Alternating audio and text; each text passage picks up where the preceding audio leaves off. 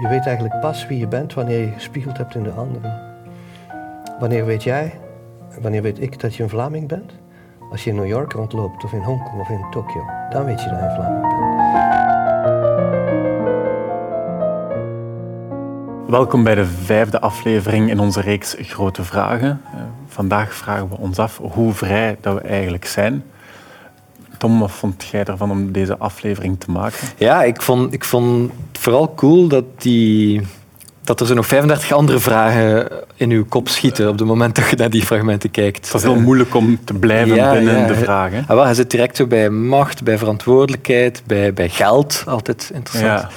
Ehm, maar ja, dat vind, ik, dat vind ik er juist zo leuk aan. Ik denk dat mijn lievelingsaflevering is. Cool. Gevaarlijke uitspraak. Ja, Ah, reden te meer eh, om onze mecenassen te bedanken. Ehm, het is enkel dankzij hun financiële en inhoudelijke steun dat wij Tom zijn lievelingsaflevering hebben kunnen maken. Ik wil hen deze week ook nog eens extra bedanken. Eh, er zijn heel veel discussies geweest in de Facebookgroep voor mecenassen en ik ken echt geen andere plek waar dat zo moeilijke onderwerpen zo grondig en beleefd eh, bediscussieerd kunnen worden. Dat is echt heel eh, fijn om te zien. Wil je zelf ook mecenas worden? Surf dan naar zwijgendeschinoptie.be slash mecenaat en leer daar een beetje meer over. Maar vrijheid dus. Eh, als ik kijk naar onze supermarkten, naar de advertenties die ik elke dag zie en naar alle mogelijkheden die we vandaag hebben om onze levens in te kleden, dan heb ik het gevoel dat we misschien vrijer zijn dan ooit tevoren. De auteur van het zelfroostingsboek, Marian Donner, spreekt dat op een heel eloquente manier tegen. Vrijheid en burgerlijke ongehoorzaamheid kwam ook zo'n paar keer terug in uw stukken en in uw, in uw boek ook. Uh, maar vrijheid, zo vrij... Ik voelde dat heel hard in uw boek ook, dat het zo'n... Ja, echt al de baken zo ver zetten van wat je vindt dat je moet mogen doen of zo. Van, Ja. En dat we die precies niet ver... Dat, dat we die vrijheid, die persoonlijke vrijheid, echt wel enorm laten inperken. Misschien zelf kiezen om die in te perken. Zoals met vliegen, zoals met vlees, zoals met van alles vandaag de dag. Ja. Ten dienste van eh, de wereld, denken we dan. Dat, dat het zo'n ja, zo een groot pleidooi is om dat terug serieus te nemen. Zo, de, de wil om vrij te zijn. Of, Ja. Ja, nee, enorm. Ik, ik, ik denk ook altijd van de, van de drie waarden van eh, vrijheid, gelijkheid, broederschap is vrijheid mijn, uw lievelings. mijn lievelings. Ja. De andere twee, moi. Ja. Ja, nee, dat vind ik de, de allerbelangrijkste. Ja, ik droom echt van een wereld waarin je echt de vrijheid hebt om te zijn en te doen wat je, wat je wil. En we zitten nu in een tijd die ten eerste zo erg een hokjesgeest heeft. Nou, jij bent Ja. een witte man, ik ben een witte vrouw. Ik ben een cisgender. Je witte bent man. een cisgenderman, ja. Ja.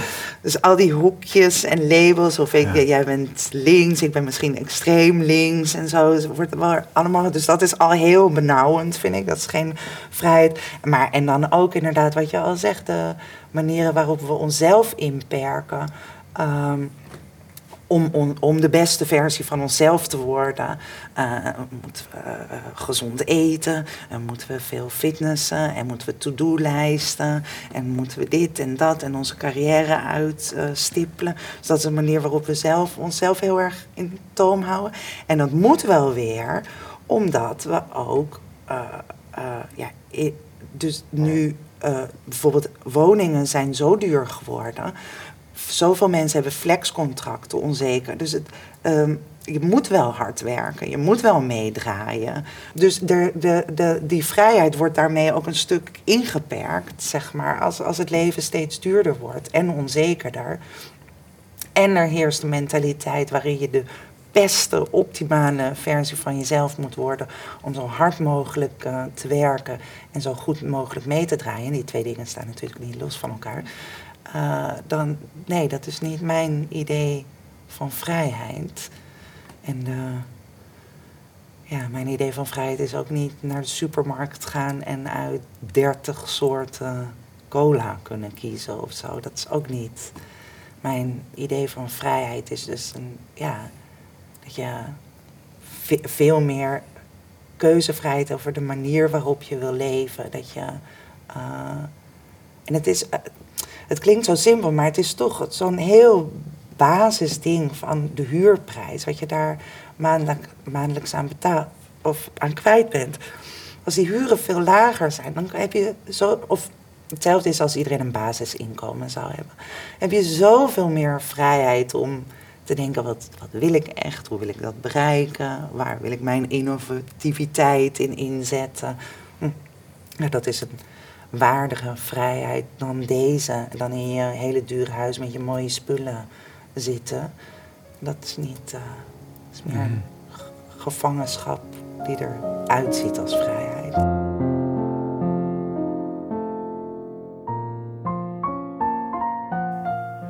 Oké, dus volgens Marianne Donner is het feit dat wij heel veel verschillende soorten cola kunnen kopen geen bewijs van onze vrijheid. Maar ik dacht wel dat geld ons de vrijheid geeft om ons leven in te richten gelijk dat wij willen. Totdat ik sprak met Anneleen de Bonte, huisarts en activiste, en dat zij mij dit vertelde.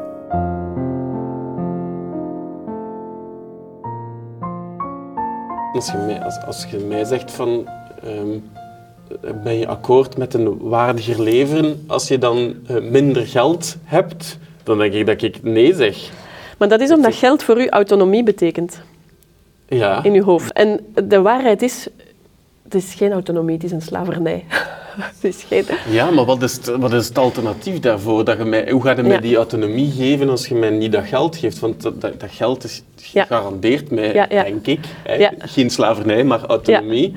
Ik denk dat het al veel zou betekenen als we ons hele concept van geld, dat nu gecreëerd is als een schuld met een rente, Mhm. waardoor er ten eerste al een ingebakken schaarste is in uw systeem. Er gaan Mhm. altijd aan het eind van de rit mensen zijn die tekort hebben.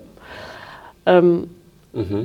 dus als je dat al eens zou herzien, dan zou op zich geld als een soort bruikbare pasmunt om handel te drijven en om eventueel wat te sparen, dat zou wel helpen. Maar op dit moment is geld en het systeem zoals het nu werkt, creëert een ongelooflijke machtsverhouding door een concentratie van dat geld en de bijhorende macht.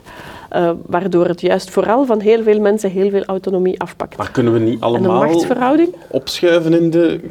Dat is- niet zolang dat geldcreatie een systeem blijft waarbij private banken ehm, een krediet geven. En Mhm. dus, eh, ja, dat is er al eens verteld geweest, hè, Van Peel heeft dat hier al verteld, dat je, als je Hmm. 100.000 euro leent, Ja. dan wordt die 100.000 euro simpelweg door die private bank ingetikt op je rekening en vanaf dan bestaat die. ja.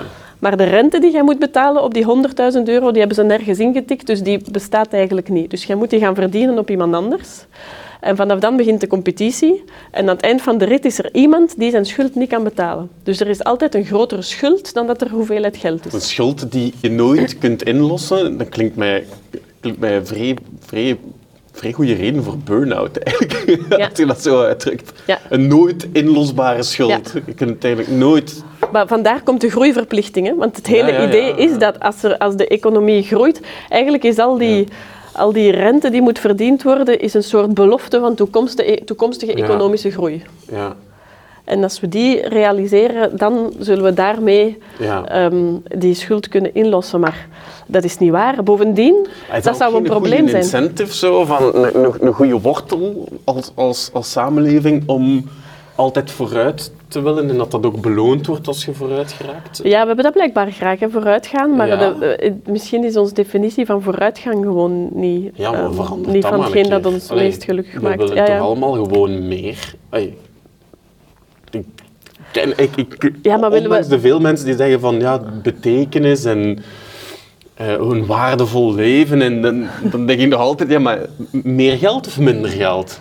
Dan zegt iedereen meer geld. Ja, Zolang dat dus er één iedereen... iemand is die zegt meer geld, zegt al de rest niet minder ja. geld. Ja. ja, wel, die zijn er wel, maar die vallen minder op omdat die minder geld hebben. Dat is Oh ja, die zijn gewoon stiller. Ja, ja, ja, ja, want die zijn er wel. Er zijn echt, eh, ik ken eigenlijk best wel veel mensen die, die zeggen, dank u, niet met mij. Ehm, en ze hebben gelijk, hè, maar ze hebben het wel verdomd moeilijk. Stel dat jij eh, als vrouw een kindje hebt van twee en, ehm, en uw moeder woont nog in huis en die heeft wat verzorging nodig. En je hebt ook nog een buurvrouw die, ehm, waar dat je ook wat de boodschappen voor doet en een beetje een oogje in het zeil houdt, eh, want die is niet goed te been. Als jij beslist om zelf voor dat kind te zorgen en voor die moeder en voor die buurvrouw, dan verdient je 0,0 en je hebt geen pensioen en geen rechten, je hebt niks. Mhm. Als jij ehm je kind naar de crash brengt, je moeder naar het rusthuis en je buurvrouw dan ook, of naar een serviceflat, eh, en je gaat zelf bij familiehulp in, een, ehm, in het gezin van iemand anders juist dezelfde dingen doen, dan verschijnt je al die keren in het bruto nationaal product. Mhm. Want dan, eh, want dan heb je bijgedragen aan de crash en het rusthuis eh, en je krijgt zelf ook nog wat pensioen. En je hebt eigenlijk... Ondertussen hebben mensen een gevoel van verscheurdheid omdat ze dat eigenlijk zo niet willen. En ik zeg niet, daarmee is er dus geen pleidooi dat alle vrouwen aan de haard moeten blijven en dat zelf doen. Hè. Dat zeg ik niet. Maar, dat je de vrijheid... Ja, maar dat je de vrijheid... Ah, wel ja, nee. Ehm, eh, maar dat je de vrijheid niet hebt om die keuze te maken die eigenlijk in elke andere cultuur op aarde evident is. eh, dat je die vrijheid niet hebt, dat is toch echt belachelijk. Dat is toch echt belachelijk. En dat is die burn-out.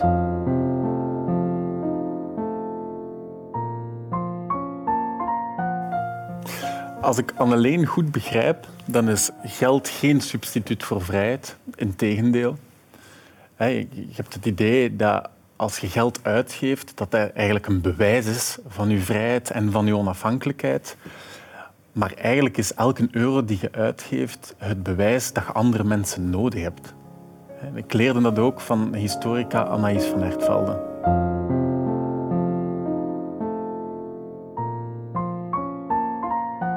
In hand bij handicap zie je eigenlijk de weerspiegeling heel mooi ook van wat ons ideaal van burgerschap is.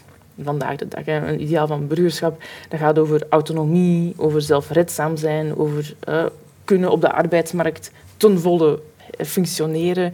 Ehm, ja, niet 100%, maar 120% voor gaan. En dat wringt eigenlijk met wat handicap is. Want handicap ja, dat eh, vreet eigenlijk een beetje aan dat burgerschapsideaal, want dat gaat heel vaak over niet ten volle kunnen produceren of niet ten Ja. volle op de arbeidsmarkt aanwezig Wel kunnen mensen zijn. nodig hebben. Ja. Wel op mensen moeten leunen, wel Ja. op mensen... Ehm, en het feit dat we dat heel moeilijk vinden om die twee samen te brengen, eh, merk je, allee, maar geeft ook opening tot kijken naar wat vinden we eigenlijk belangrijk als, als maatschappij. Waar hechten we waarde aan? Wat moet je kunnen in deze maatschappij om een waardevol burger te zijn?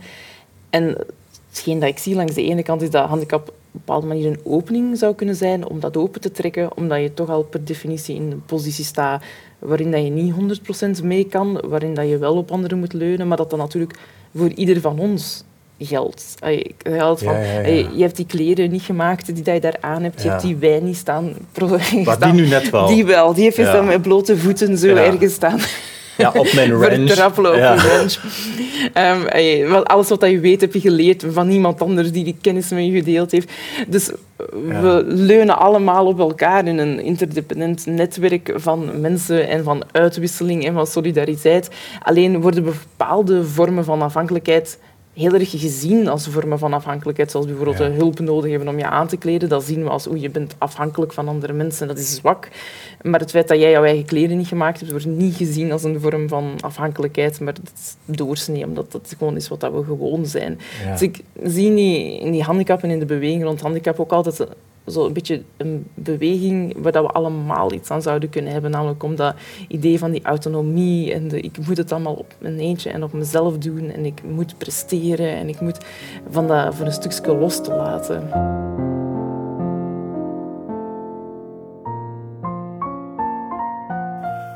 Dus we zijn afhankelijk van andere mensen, allemaal. Alleen beschouwen wij die afhankelijkheid vaak niet als afhankelijkheid.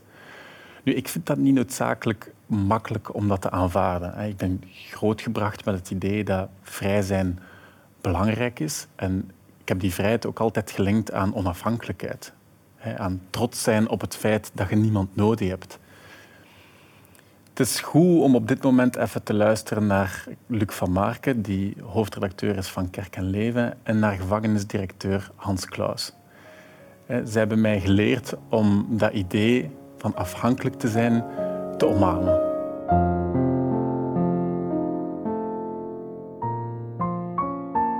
ik kan niet gelukkig zijn als ik niet deel uitmaak van iets groter.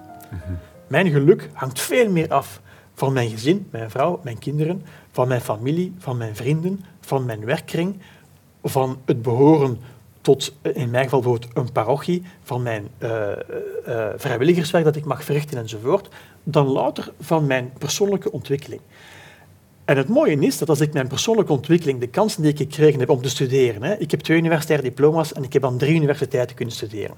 Dat is fantastisch. Dat is niet mijn verdienste, dat is omdat ik geboren ben op het juiste moment, op de juiste plek om dat mogelijk te maken. Was ik 100 jaar eerder geboren of was ik in Afrika geboren, had ik dat niet kunnen doen.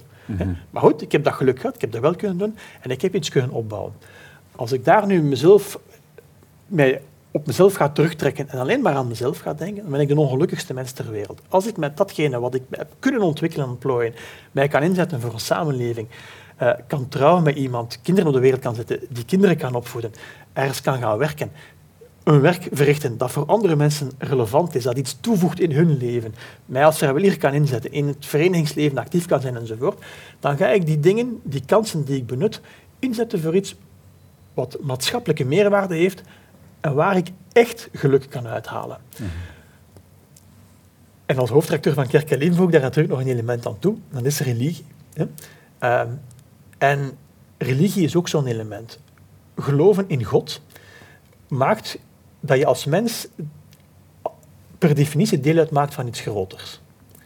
Je bent niet op jezelf teruggeworpen. Er is altijd iets of iemand, ik ga het nu heel simpel zeggen, die je graag ziet. Mm -hmm en waar je mee verbonden bent. Zelfs in de donkerste, diepste, de zwartste uren van je leven is er iets waarvan je kan geloven, dit overstijgt mij, dit overstijgt ook mijn hier en nu en de ellende waar ik nu doorga, er is iets groter. En ik mag daar deel van uitmaken. Sociale verbanden tussen mensen en religie, of je nu de twee hebt of één van de twee, zijn typische voorbeelden van wat mensen optilt in het op zichzelf terugwerpen en wat u eigenlijk een zin geeft die groter is dan wat je kan bereiken op je eentje. Maar er is nog een tweede element aan. Dat is dat het ook heel veel druk van je schouders haalt. Want vandaag voeden wij onze jongeren op met het idee dat ze bijzonder zijn en alles kunnen in het leven en dat ze de, meest unieke mensen zijn die er zijn en die fantastische dingen gaan kunnen doen in het leven. Nu, dat mag. Je mag je kinderen vertellen dat dat mogelijk is. Maar tegelijk leg je enorme druk op hen, omdat je hen ook het gevoel geeft dat ze moeten slagen in het leven, dat ze moeten bijzonder zijn. En misschien moeten we de mensen, onze jongeren vandaag, terug eens durven vertellen dat het oké is ook om gewoon te zijn. En wanneer kan je gewoon zijn? Als je deel mag uitmaken van een groter geheel. Als ik een filmster of een popster moet zijn, dan ligt er een enorme druk op mijn schouders. Hè? Want ik moet de strafste en de beste en de schoonste en de grootste zijn. Maar als ik gewoon mag gaan werken en ik, uh, ik ben bouwvakker en samen met tien collega's met zich in huis. En een jaar later rijd ik door de straat en kan ik aan mijn vrouw en kinderen zeggen, dat huis heb ik meegebouwd, en dat huis heb ik meegebouwd, en dat huis heb ik meegebouwd. En ik weet dat daar vandaag mensen wonen die een dak boven hun hoofd hebben, die daar een gezin kunnen stichten, die daar aan hun geluk kunnen werken. Dan is dat veel minder spectaculair dan als ik popster of filmster ben. Maar ik mag deel uitmaken van iets groter, wat betekenis heeft voor anderen. En de vraag is of je daar finaal niet veel meer voldoening en geluk gaat uithalen en dat dat niet veel minder druk op je schouders gaat leggen. Oef, ik mag gewoon één van die bouwvakkers zijn die meegewerkt heeft aan huizen waar mensen in wonen.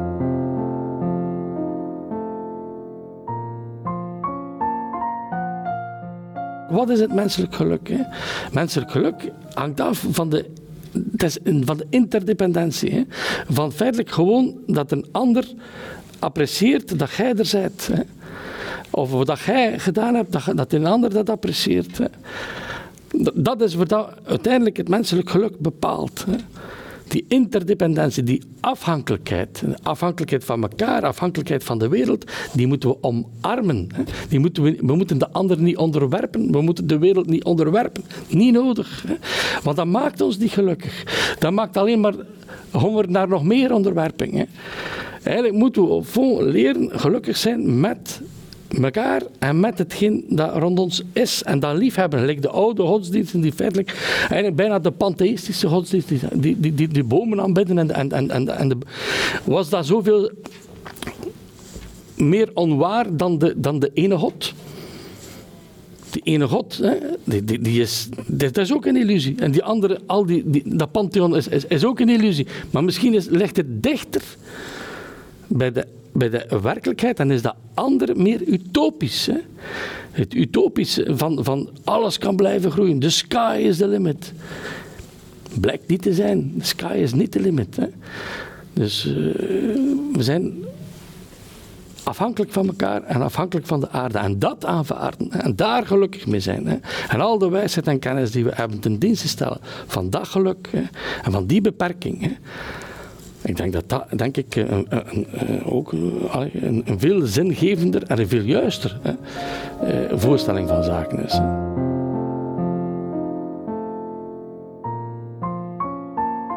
Na Luc en Hans ja, beseft je dat dat ideaal van dat onafhankelijke vrije mens, die niets of niemand nodig heeft en die alles kan doen wat hij of zij wil, dat dat niet klopt en dat dat ook niet is wat wij willen. Uh, het is ook gewoon gevaarlijk om te denken dat je zo vrij bent, omdat je dan de verantwoordelijkheid voor alles wat er in je leven gebeurt op je eigen schouders neemt. Dat is niet nodig en ook niet waar. Dus hoe vrij zijn wij? Ik denk dat het soort vrijheid dat ons verkocht wordt vandaag de dag, dat dat niet het soort vrijheid is die wij noodzakelijk willen of die wij moeten willen.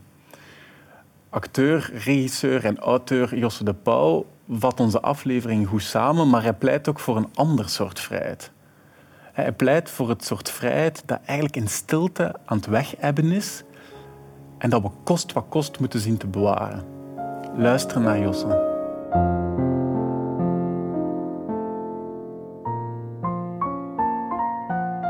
Nee, maar dat is denk ik ook wel te, de, de, typisch voor mensen die hulpbehoevend zijn. Zijn veel minder snel kwaad dan mensen die geen hulp nodig hebben. We zijn ongelooflijk uh, gewend geraakt aan uh, een illusie van onafhankelijkheid. Het is een illusie. Maar we, in deze wereld lopen we rond. Een beetje geld in je zakken hebt. Geregeld het, hè. Koop dit, koop dat, gaat daar zitten, gaat daar naartoe. Beslist je, ga dat doen. En niemand houdt u tegen. Tenzij er uh, dingen fout gaan. Tenzij je bijvoorbeeld zonder geld komt te zitten dat is al vaak al genoeg om. Uh, en plots afhankelijk van wat u gegeven wordt. En, en, van zorg die door anderen verstrekt wordt. En, en heel ons zelfbeeld is gebouwd op dat niet nodig hebben. Heel onze trots is daarop gebouwd. Als je ziet hoe mensen die het zogezegd gemaakt hebben, ze, hun eigen trots zelfs niet meer zien. Self-made. Ja, het, is soms, het wordt komisch vaak. Ik vind dat heel erg typerend voor onze maatschappij. Dat leeft heel erg. Het wordt zelfs zo dat het gepromoot wordt. Ambitie wordt gepromoot en uh, sky is the limit, je moet ervoor gaan. Zodanig dat iedereen die een beetje twijfelt onder druk komt te staan. En zich afvraagt, ben ik ziek of zo? Ben ik ik heb twijfels, ook over mijzelf. En mag eigenlijk niet. Mag eigenlijk niet. Eigenlijk Ik denk dat dat, ik denk dat dat veel schade berokkent aan, aan ons gemeenschap op dit moment. Ja. Het is daarom dat ik, zo, dat ik het zo jammer vind dat we de twijfel geen eerbiedwaardiger plaats geven in deze gemeenschap, in deze maatschappij. Het is, alles wat we hebben is voort, komt voort uit de twijfel, uit de vraagstelling van hoe zit dat hiermee? Ja, maar ze zeggen dat de aarde plat is, maar misschien is het wel een bol, dus het is een bol. Die in twijfel heeft ons ver gebracht, veel verder dan de zekerheden we zijn nu wel heel erg uh, de zekerheid aan het vieren. Die twijfel is ook griezelig, toch? Nee, die hoeft niet griezelig te zijn als je die, als je die in een context geeft, als je die viert. Als je daar... Je moet, daar, je niet ziek van twijfel worden. Maar je moet de voordelen van de twijfel kunnen zien. Maar als er zoveel druk is en niks mag mislukken, dan, dan is die twijfel toch super griezelig. Ah, maar ja, maar, dat, maar alleen maar omdat de druk zo groot is, Ja. dat het allemaal moet renderen, dat het allemaal er precies erop... Terwijl alle, nogmaals, alle grote wetenschappelijke uitvindingen zijn in de rand gekomen, zijn eigenlijk mislukkingen, zijn eigenlijk... Het, het, het was niet daarna, dat, ze waren naar iets aan het zoeken en onderweg, ah, ja. Het is altijd, die, het is, daar is alles uit voortgekomen, uit het, eigenlijk uit een soort alertheid die niet op een einddoel gericht is, maar die onderweg eh, nieuwsgierig rond blijft kijken. En, en, ja.